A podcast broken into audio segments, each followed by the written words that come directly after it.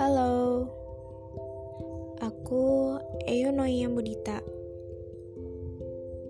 Namanya ribet ya, tapi punya makna. Eyo yang berarti pemikiran yang indah dan baik, dan Mudita yang berarti perasaan bahagia melihat kebahagiaan orang lain. Gak percaya? Ya udah, gak apa-apa. Ditunggu aja ceritaku nanti. Oh ya, panggil aku Mudita aja. Biar gak ribet, yang penting kan kenal.